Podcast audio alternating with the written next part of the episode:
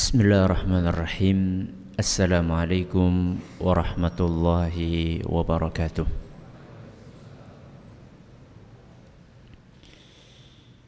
الحمد لله الذي أرسل رسوله بالهدى ودين الحق ليظهره على الدين كله وكفى بالله شهيدا وأشهد أن لا إله إلا الله وحده لا شريك له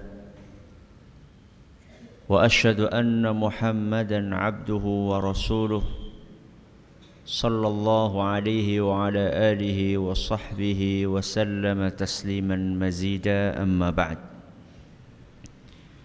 Jamaah sekalian kami hormati Sebagaimana yang telah kita janjikan pada pertemuan terakhir kita sebelum bulan Ramadan bahwa insya Allah pada pertemuan kali ini kita akan memasuki pembahasan inti mengenai akhlak di dalam agama kita secara rinci.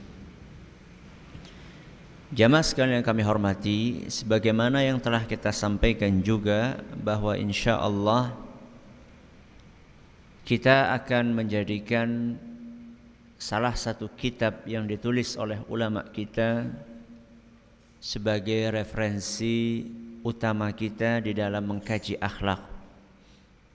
Masih ingat kitabnya apa? Sudah lama banget ya hampir dua bulan ya. Apa kitabnya? Kitab Bulughul Maram. Ya, kitab Bulughul Maram karya siapa? Imam Ibnu Hajar Al-Asqalani. Siapa yang udah bawa kitabnya? Belum. Karena belum ada yang bawa kitabnya, maka kita undur pembahasan tentang kitab ini. Kita akan awali terlebih dahulu dengan membahas siapa penulis kitab ini. Kenapa Ustadz? Supaya kita tahu bahwa buku yang akan kita pelajari ini ditulis bukan oleh sembarang orang. Ini alasan yang pertama. Alasan yang kedua karena jamaah belum bawa kitab. Kalau sampai pertemuan yang akan datang nggak bawa kitab lagi, kita undur lagi insya Allah.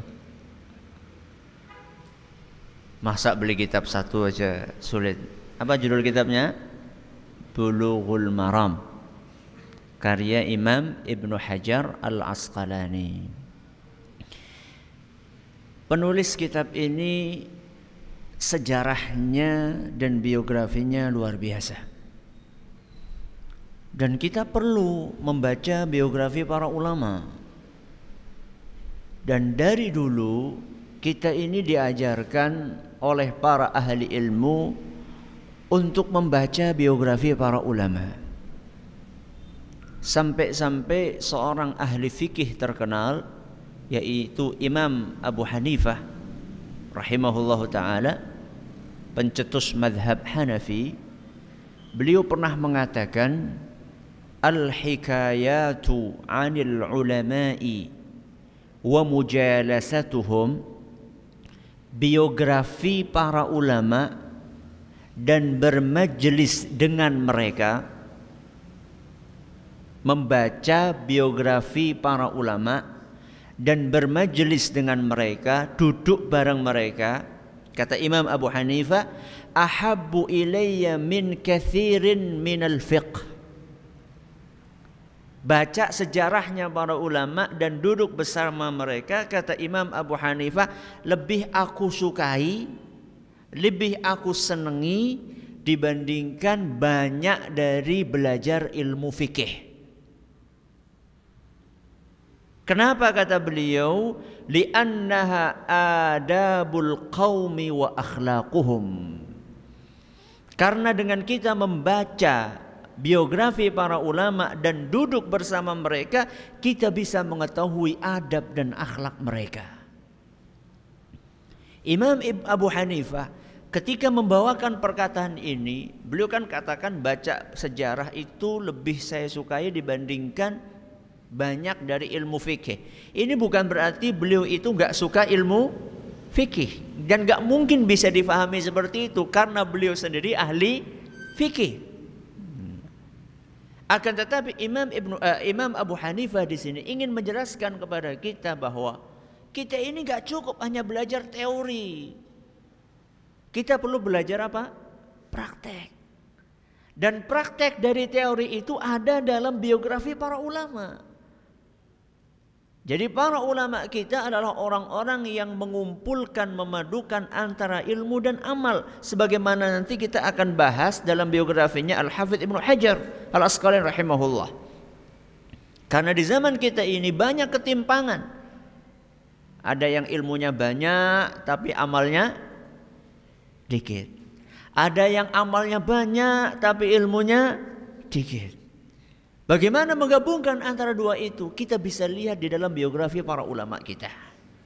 Kita awali terlebih dahulu dengan mengetahui nama aslinya Ibnu Hajar ini siapa? Ibnu Hajar. Kalau diterjemahkan apa? Ibnu apa? Anak Hajar batu, anaknya batu gitu. Berarti bapaknya batu? Bukan bapak beliau, nama beliau aslinya adalah Ahmad. Siapa? Ahmad. Bapaknya namanya Ali, kakeknya namanya Muhammad. Berarti Ahmad bin Ali bin Muhammad. Ini nama nama beliau, nama bapaknya sama nama kakeknya. Mau kita lanjutkan nggak sampai tujuh generasi? Cukup ini saja ya. Nah, kalau ada yang pengen tahu ya Ahmad bin Ali bin Muhammad bin Muhammad bin Ali bin Mahmud bin Ahmad bin Hajar. Berarti beliau dinisbatkan ke kakek beliau yang ketujuh. Ya, yaitu Hajar, Ibnu Hajar. Dan beliau ini dilahirkan pada tahun 773 Hijriah. Abad keberapa berarti ini? Abad ke-8. Iya. Abad ke-8 Hijriah. Berarti sudah berapa abad yang lalu? Sekarang abad keberapa? 1000 berapa sekarang? 1400 berapa? 36. Ya, 1400 berarti sekarang sudah abad ke-15. Berarti sudah berapa abad yang lalu? Sudah tujuh abad yang lalu beliau dilahirkan pada tahun 773 Hijriah tepatnya tanggal 22 Sya'ban. Pada tanggal 22 Sya'ban tahun 773 lahirlah seorang yang bernama siapa tadi? Ahmad bin Ali bin Muhammad. Di mana? Di Mesir, di dekat Sungai Nil. Di dekat Sungai Nil. Beliau dibesarkan di Mesir, dilahirkan di Mesir, dibesarkan di Mesir dan wafat juga di Mesir. Allah Subhanahu wa taala menakdirkan Imam Ibnu Hajar ini masa kecilnya dilalui dalam kondisi yatim piatu. Karena ibunya meninggal ketika beliau masih bayi dan bapaknya wafat ketika beliau usia empat tahun. Dan subhanallah yatim piatu bisa menjadi apa? Ulama besar. Banyak di antara kita sampai tua masih ada orang tuanya enggak jadi ulama. Ini padahal sejak kecil sudah ditinggal sama orang tuanya dan subhanallah orang tuanya ini bapaknya sebelum wafatnya sempat pesan wasiat kepada teman-teman beliau di antaranya ada yang pedagang besar, ada seorang ulama, titip pesan kalau saya meninggal dunia tolong anak saya ini dirawat. Dan masya Allah, ya, orang yang mendapatkan wasiat itu betul-betul menunaikan wasiat tersebut sebaik-baiknya.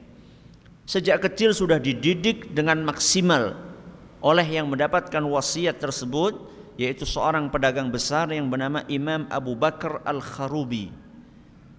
Dan ini menunjukkan kepada kita bahwa orang yang mungkin kurang ilmu agamanya bisa berperan.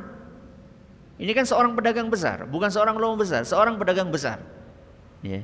Tapi dia bisa menghasilkan ulama. Dan di sini kita juga bisa mengetahui bahwasannya jangan berkecil hati. Ketika kita ilmu agamanya sedikit tapi kita dibuka oleh Allah dalam pintu yang lain yaitu pintu rezeki kita bisa berperan dan salah satu contohnya adalah Imam Ibnu Hajar Asqalani sejak kecil sudah dibiayai oleh seorang pedagang besar tersebut dan juga oleh orang yang lainnya yang diwasiati oleh bapaknya Ibnu Hajar. Dan sudah dimasukkan ke dalam kalau sekarang kalau dahulu istilahnya katatib. Katatib itu jamak kutab. Kalau sekarang itu kayak semacam madrasah diniyah ya atau TPQ. Dan Ibnu Hajar dari kecilnya memang sudah terkenal kepandaiannya sehingga dalam usia 9 tahun beliau sudah hafal Al-Qur'an. Dan rata-rata para ulama dahulu sejak kecil sudah hafal Al-Qur'an. Makanya alhamdulillah di zaman kita ini mulai timbul kesadaran hal itu Anak kecil sudah disibukkan dengan menghafal Al-Quran sebelum disibukkan dengan sinus, kosinus, tangen dan seterusnya. Dan ini bagus. Ya, dan ini sangat bagus. Ketika usia 11 tahun diajak oleh Al-Kharubi tadi seorang pedagang itu untuk haji. Usia berapa? 11 tahun. Di usia 12 tahun beliau masih berada di Mekah dan mendapatkan kehormatan untuk menjadi imam tarawih di Masjidil Haram. Usia berapa? 12 tahun. 12 tahun sekarang kelas berapa SD? Kelas 6. Pernah tumon kelas 6 jadi imam? Pernah. Alhamdulillah. Imam apa? Imam masbuk. Ini bukan imam musola bukan imam masjid jami, bukan imam masjid agung, tapi imam masjidil haram. Usia 12 tahun. Sepulang dari Mekah, sudah hafal Al-Quran, sudah jadi imam, beliau mulai mendalami ilmu-ilmu agama yang lainnya.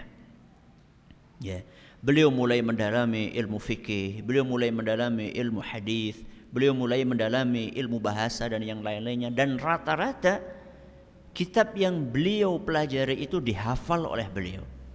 Ada kitab Umdatul Ahkam dalam bidang hadis, ada kitab Alfiyatul Iraqi dalam ilmu mustalah hadis, ada kitab dalam usul fiqih Mukhtasar Ibnul Hajib, ada dalam bahasa Mulhatul I'rab dan yang lain-lainnya dan masih banyak yang lainnya. Jadi betul-betul beliau digenjot untuk menghafal dan konon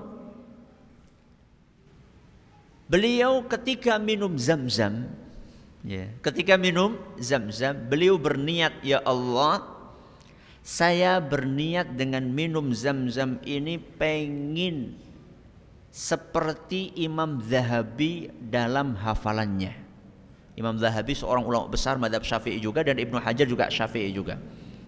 Dan subhanallah Allah kabulkan permintaannya bahkan melebihi Imam Zahabi.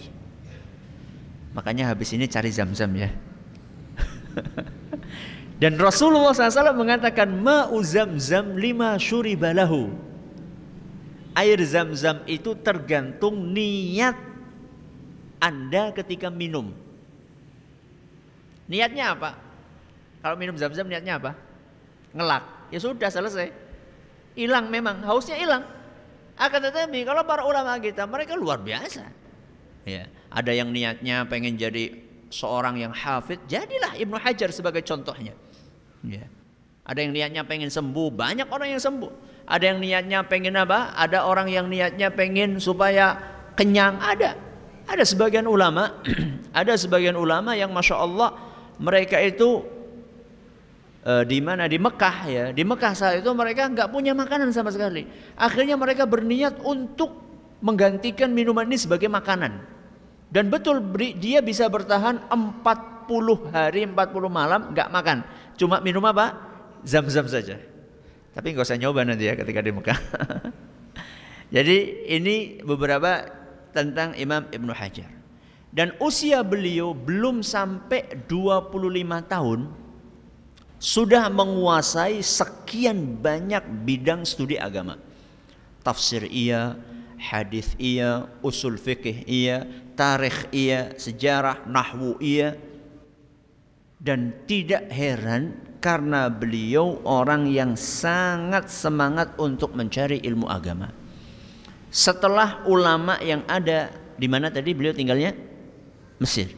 Setelah ilmu ulama Mesir beliau lahap, jadi beliau berusaha untuk mengambil ilmu dari ulama yang ada di negerinya terlebih dahulu. Beliau nggak puas. Beliau mulai melakukan rihlah fi talabil ilm. Melakukan bepergian jauh untuk mencari ilmu. Dan itulah kebiasaan para ulama setelah ngubek-ngubek ilmu yang ada di dalam daerahnya, nyari ilmu yang ngambil ilmu dari ulama yang ada daerahnya, mereka keluar mencari ilmu yang lain yang ada di daerah lain. Dan bukan lintas kabupaten saja.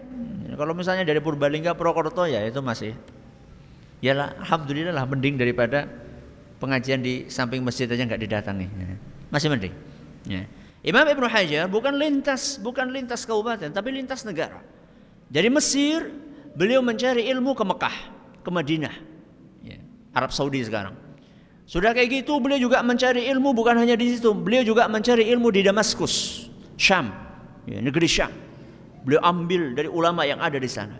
Beliau juga mengambil ilmu, dari ulama yang ada di Palestina, ya, di Baitul Maqdis. Beliau juga tidak tinggal untuk mencari ilmu di Sana'a. Di mana itu? Di Yaman.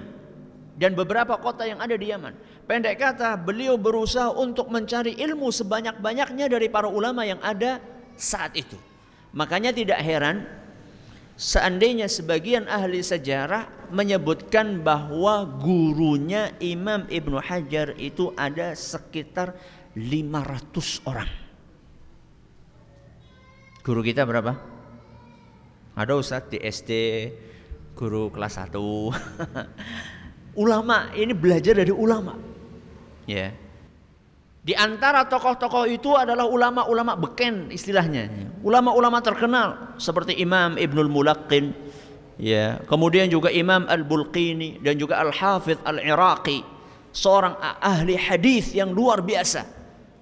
Sepuluh tahun Imam Ibnu Hajar berguru sama Al-Iraqi sampai Al-Iraqi memberikan gelar Al-Hafidh kepada Ibnu Hajar. Al-Hafidh dahulu ya, itu gelar untuk orang yang hafal hadis alf alf hadis. Satu juta hadis. Berapa? Satu juta hadis. Sanat dan matan Berapa hadis yang kita hafal?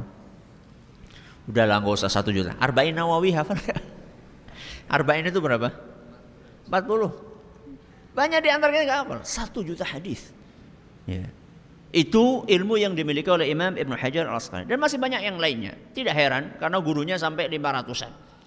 Karena beliau adalah seorang ulama besar, makanya banyak murid-murid yang berbondong-bondong berusaha untuk mengambil ilmu dari beliau.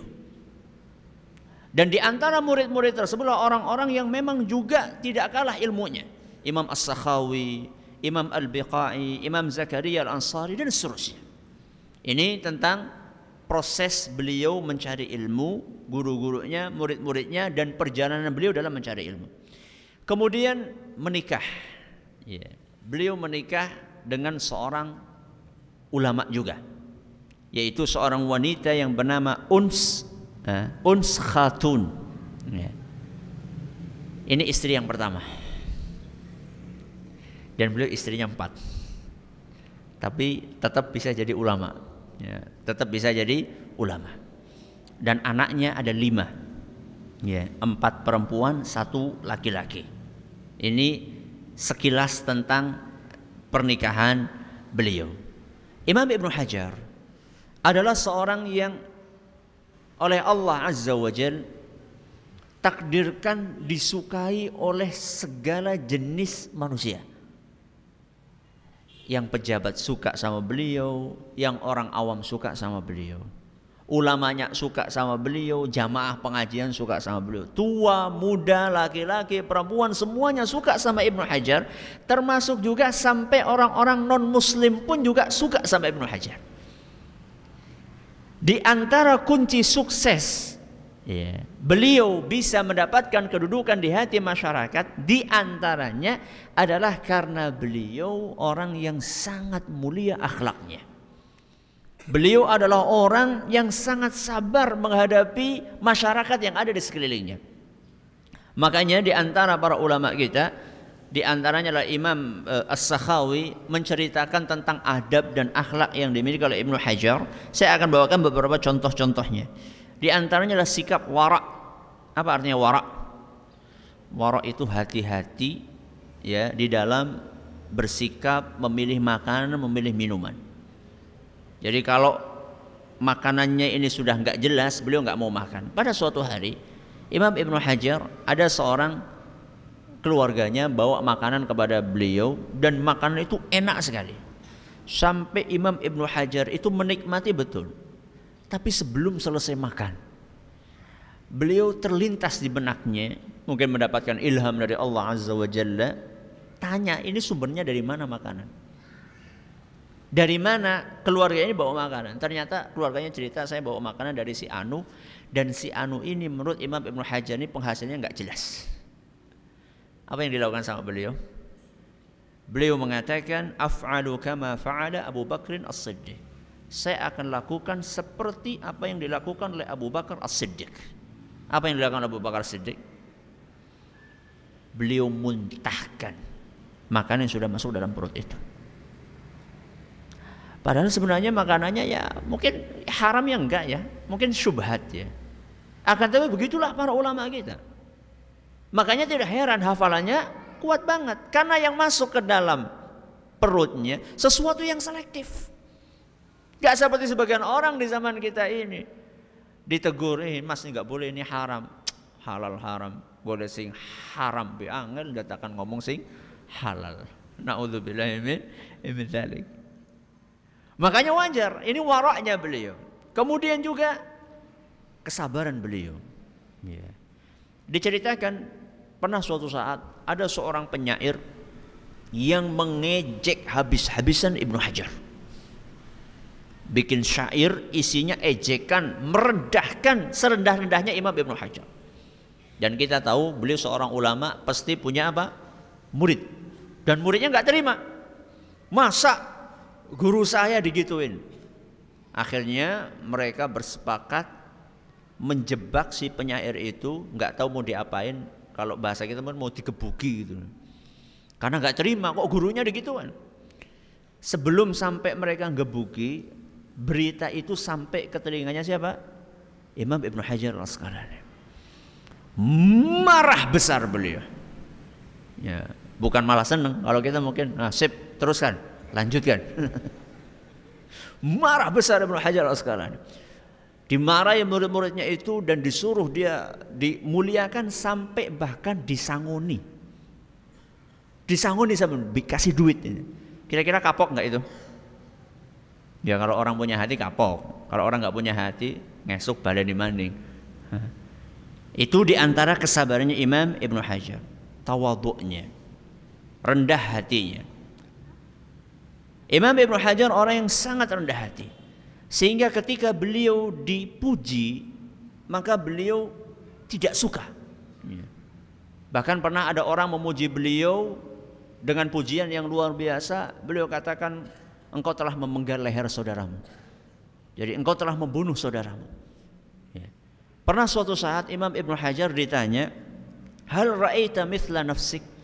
Wahai Ibn Hajar, apakah engkau pernah menemukan seorang yang ilmunya seperti kamu? Ada nggak orang di negeri ini yang ilmunya mirip-mirip kayak kamu? Apa jawaban beliau? Allah Subhanahu wa taala berfirman, "Fala tuzakku anfusakum." Allah Subhanahu wa taala berfirman, "Janganlah engkau memuji dirimu sendiri." Enggak dijawab sama beliau. Ya. Mungkin kalau zaman kita sekarang Ditanya, ada nggak yang sepinter kamu? Kayaknya ndak ada. Oh, udah paling pinter ini. Semuanya itu levelnya nggak selevel. Ibnu Hajar ditanya seperti itu, beliau katakan, udahlah nggak usah tanya yang seperti itu. Suatu saat beliau pernah didesak, ya pernah didesak sama seorang muridnya, wahai Syekh Imam, antara engkau dengan Imam Zahabi pinter mana? Orang ini murid ini memang kadang sukanya gini, suka mancing-mancing gurunya. Antara engkau sama Imam Zahabi pinter mana? Beliau cuma diem saja. Padahal sebenarnya beliau itu kata para ulama memang lebih tinggi ilmunya dari Imam Zahabi. Akan tetapi beliau bukan tipe orang yang suka merendahkan orang lain. Makanya wajar seandainya para ulama mengatakan bahwa Imam Ibnu Hajar adalah contoh seorang yang memadukan antara ilmu dan amal. Ya. Jadi bukan hanya teori saja mengajarkan di majelis tapi beliau praktekkan. Makanya kalau para ulama ketika membicarakan tentang ibadahnya beliau diceritakan bahwa Imam Ibnu Hajar adalah orang yang sangat menjaga yang namanya qiyamul lail. Enggak pernah beliau meninggalkan qiyamul lail dalam kondisi bepergian apalagi dalam kondisi beliau mukim. Bahkan ketika sakit menjelang wafatnya, beliau tetap qiyamul lail sampai beliau itu dipegangin sama anaknya supaya nggak jatuh. Puasanya Dawud. Sehari puasa, sehari tidak. Khatam Al-Quran, sering sekali yang namanya khatam Al-Quran. Bukan hanya hablum minallah, hablum minan nasnya. Kencang beliau. Ada orang meninggal, takziah. Ada orang sakit dijenguk Seandainya beliau tersibukkan untuk tidak bisa mendatangi orang yang sakit, beliau titip duit. Ya, tolong ya sampaikan, ini saya bantu. Dan beliau orang yang terkenal sangat dermawan sekali. Ini sedikit tentang uh, perilaku dan akhlaknya Imam Ibn Hajar Al-Asqalani rahimahullah. Orang seperti ini tentu akan dilirik oleh penguasa. Orang seperti ini tentu akan dilirik oleh penguasa. Dijadikan apa? diminta untuk menjadi hakim. Ilmunya, waroknya sudah terkenal, maka diminta untuk menjadi hakim. Akan tetapi beliau berusaha untuk menolak sekuat tenaga. Ya, jadi itulah para ulama kita. Bukan ngejar apa? Jabatan, tapi dikejar jabatan. Ya. Jadi nggak perlu promosi pasang apa? Apa namanya itu? Banner, pilih saya paling jujur, paling paling apa lagi? Paling bersih, terus paling Masa nggak hafal kan itu banyak itu di pinggir-pinggir jalan. Kan itu itu aja kan tulisannya kan. Jujur, bersih, merakyat, anti korupsi nah, dan seterusnya. Gak pakai gitu-gituan Imam Ibnu Hajar. Sudah terkenal, ditawari bahkan dan menolak jabatan tersebut. Karena beliau tahu persis jabatan hakim itu kan luar biasa. Godaannya itu luar biasa. Ya, duitnya kemudian ancamannya dan seterusnya. Beliau tolak. Didesak lagi sama raja sampai akhirnya beliau merasa karena melihat mungkin ya mungkin mungkin juga melihat dari sekian hakim yang ada mungkin kurang layak akhirnya beliau terpaksa menduduki jabatan tersebut Beberapa saat kemudian beliau nggak tahan minta untuk diturunkan. Akhirnya diturunkan atas permintaan sendiri. Beberapa bulan lagi masyarakat merasa kehilangan. Akhirnya dinaikkan lagi jadi hakim. Kemudian setelah berapa saat lagi beliau minta turun lagi. Sampai tujuh kali. Naik turun, naik turun, naik turun karena permintaan beliau. Dan itu berjalan selama 21 tahun. Beliau antara minta turun, dipaksa naik, minta turun, dipaksa naik. Ini sekilas tentang uh, jabatan yang beliau duduki. Karya tulisnya. Beliau sejak usia 23 tahun sudah menulis kitab. Dan Imam As-Sakhawi salah seorang muridnya mengatakan bahwa jumlah kitab yang ditulis oleh Imam Ibnu Hajar ada 270 kitab. Berapa kitab? 270 kitab. Dan di antara kitab terbesar yang beliau tulis adalah sebuah kitab yang di dalamnya beliau menjabarkan isi dari Sahih Bukhari. Apa judul kitabnya? Fathul Bari. Sekarang dicetak 13 atau 15 jilid. Ya, seginilah kira-kira. Ya. Nulis kitab segini. Berapa tahun itu Ustadz nulisnya? Muridnya Imam As-Sakhawi mengatakan beliau menulis kitab itu selama 25 tahun. Berapa tahun? 25 tahun. Jadi Imam Ibn Hajar ini azan. Ya Ustaz. Kita lanjutkan insyaallah uh, setelah azan. Alhamdulillah rabbil alamin wassalatu wassalamu ala nabiyina Muhammadin wa ala alihi wa sahbihi ajma'in wa ba'd. Sampai kitab apa tadi? Fathul Bari. Jadi Fathul Bari ini ditulis oleh Imam Ibn Hajar selama 25 tahun. Sehingga para ulama kita sampai mengatakan bahwa tidak ada kitab selengkap Fathul Bari apalagi dalam syarah Sahih Bukhari ini. Dan Imam Ibn Hajar Al-Asqalani ini tadi kan kita sudah katakan Fathul Bari itu adalah merupakan penjabaran dari apa? Sahih Bukhari hubungan Imam Ibn Hajar dengan Sahih Bukhari itu sangat erat. Jadi hampir setiap Ramadan selain membaca Al-Quran, Imam Ibn Hajar itu menghabiskan satu bulan untuk menghatamkan Sahih Bukhari diajarkan kepada murid-muridnya.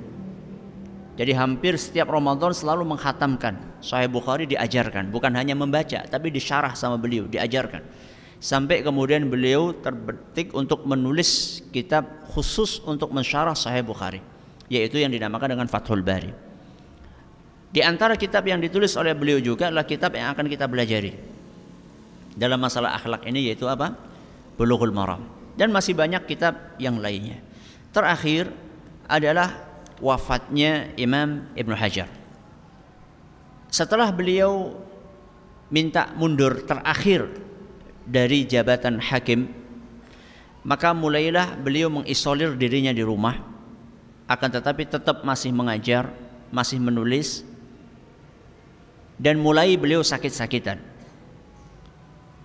Beliau mulai sakit di Jumadal Akhir tahun 852 tidak lama kemudian beberapa bulan kemudian yaitu pada tanggal 28 Zulhijjah 28 Dzulhijjah tahun 852 Allah Subhanahu wa taala menakdirkan beliau untuk meninggalkan dunia yang fana ini dalam keadaan sedang membaca Al-Qur'an. Dan masyarakat saya itu sedihnya luar biasa. Dan yang sedih itu bukan hanya muslim seperti yang saya katakan tadi. Sampai orang-orang non muslim pun merasa kehilangan. Sehingga di hari dimakamkannya beliau hampir seluruh toko dan seluruh pasar yang ada di Mesir tutup. Mereka semuanya mengantarkan jenazah Imam Ibn Hajar ke peristirahatan di pemakaman dan jumlah orang yang takziah konon sampai 50 ribu orang. Lautan manusia. Dan yang rebutan untuk mengangkat kerandanya itu bukan sembarang orang, raja, menteri, ulama. Mereka berdesak-desakan berebut untuk mengangkat kerandanya Imam Ibn Hajar diantarkan ke pemakamannya. Beliau wafat pada tanggal berapa tadi? 28 Hijjah tahun 852 dan usianya lahirnya tanggal berapa tadi? Ditulis nggak? 22 Sya'ban 773 berarti sekitar 79 tahun. Usia beliau 79 tahun meninggalkan karya tulis 270 buah. Usia kita berapa sekarang? Sudah berapa karya tulis kita? Gajah meninggalkan gading. Harimau meninggalkan apa? Belang. kulo kali jenengan meninggalkan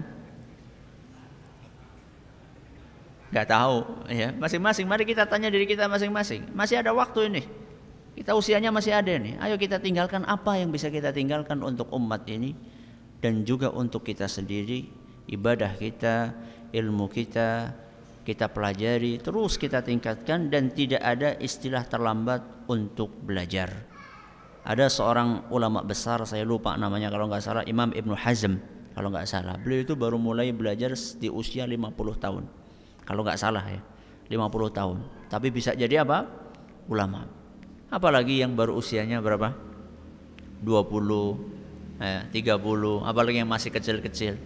Ini masya Allah tirulah para ulama kita ya teladanilah mereka dan banyak pelajaran yang bisa kita petik dari kisahnya Imam Ibn Hajar Al-Asqalani di antaranya adalah bahwa orang yang memang sudah mendapatkan taufik dari Allah Azza wa Jalla untuk kebaikan maka dia akan dimudahkan oleh Allah.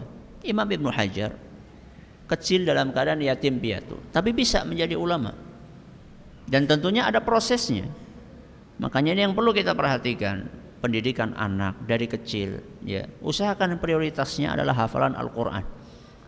Ya, prioritasnya adalah hafalan Al-Qur'an. Dan rata-rata ulama kita dahulu mereka hafal Al-Qur'an Bahkan kalau ada ulama yang enggak enggak, enggak hafal Al-Quran, dahulu itu dianggap sebagai sebuah aib. Dianggap sebagai sebuah apa? Aib. Ya. Dan Alhamdulillah sekarang mulai semangat untuk menghafal Al-Quran kita lihat di dalam masyarakat kita dan harus kita pertahankan.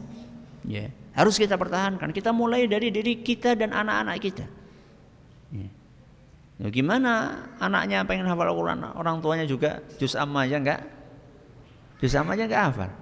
Ya. Juz aja nggak hafal. Padahal itu yang paling apa? Yang paling gampang untuk dihafal. Mau setoran sama abahnya, bah mau setoran, bah, bi mau setoran, pak mau setoran, setoran apa? Abinya juga nggak hafal Al-Quran. Mari kita semangat, ya. Mari kita semangat. Kita jadikan itu sebagai prioritas untuk anak-anak kita. Dan kalau misalnya itu sudah hafal, ilmu yang lainnya akan gampang dengan izin Allah Azza. Saya ketika di pondok itu punya teman-teman dan ketika di Madinah juga punya teman-teman yang ketika mereka masuk ke pondok, ketika mereka kuliah sudah hafal Al-Quran. Gampang sekali untuk menguasai ilmu-ilmu yang lainnya. Seluruh ilmu agama itu sumbernya dari mana? Al-Quran. Ketika ini sudah dihafal, maka yang lainnya akan ngikut. Setelah hafal Al-Quran, hadis-hadis Nabi SAW. Ilmu-ilmu umum penting. Ya, saya bilang nggak penting. Kita hidup di dunia nggak punya ilmu umum gimana? akan tetapi jangan sampai mengalahkan perhatian kita kepada ilmu apa? Ilmu agama. Tetap prioritasnya seorang muslim adalah ilmu agama. Dan kalau seandainya seorang muslim menjadikan akhirat itu sebagai tujuan utamanya, maka dunianya akan ngikut. Itu jaminan dari Rasul SAW. Man kanatil akhiratu hammahu. Barang siapa yang menjadikan akhirat sebagai tujuan utamanya, ya, ja'alallahu ghinahu fi qalbihi. Allah akan jadikan kekayaan berada dalam hatinya. Wa jama'a syamlahu urusannya akan dilancarkan sama Allah. Wa atatu dunya wa hiya raghimah. Dunia itu akan datang kepada dia tergopoh-gopoh. Dunianya yang akan datang. Kalau orang yang menjadikan dunia sebagai tujuan utamanya, dunianya lari dari dia. Farraqa syamlahu kata Nabi SAW. Urusannya akan ribet, akan repot, akan sulit. Wa ja'ala faqrahu baina ainai dan dihantui dengan kefakiran siang dan malam. Itu kalau tujuan utamanya apa? Dunia. Walam ta'tihi minad dunya illa ma qaddiralah dunia itu datangnya ya seuprit kepada dia. Makanya jadikanlah akhirat sebagai tujuan utama. Bukan berarti nggak nyari apa? Dunia, cari dunia. Gimana kita hidup di dunia gimana? Akan tetapi tujuan utamanya akhirat. Tujuan utamanya akhirat. Saya nyari dunia untuk jembatan menuju akhirat. Gitu seharusnya. Saya nyari duit supaya saya bisa infak. Saya nyari duit supaya saya bisa haji. Saya nyari duit supaya saya bisa zakat. Saya nyari duit supaya saya bisa bantu orang-orang miskin, orang fakir. Itu tujuan utamanya. Bukan sekedar nyari duit supaya banyak duit, bukan. Yeah. Orang yang seperti ini maka dia akan datang dunia kepadanya tergopoh-gopoh akan berbondong-bondong dunia itu datang kepadanya. Ila janji dari Nabi kita Muhammad sallallahu alaihi wasallam. Ini sedikit uh, catatan kaki atas biografi yang uh, tadi uh, kita bawakan tentang Imam Ibnu Hajar Al-Asqalani rahimahullahu taala. Dan insyaallah pada pertemuan yang akan datang kita akan sedikit uh, menjelaskan tentang apa itu kitab Bulughul Maram. Ya isinya apa sebenarnya kitab tersebut kemudian eh, kenapa kita pakai kitab ini sebagai bahan untuk kajian akhlak kita? Semoga bermanfaat. Wallahu taala ala wa alam. Terima kasih atas perhatiannya. Mohon maaf segala kurangnya. Kita tutup dengan membaca subhanakallahumma wa bihamdika asyhadu an la ilaha illa anta astaghfiruka wa atubu ilaik. Assalamualaikum warahmatullahi wabarakatuh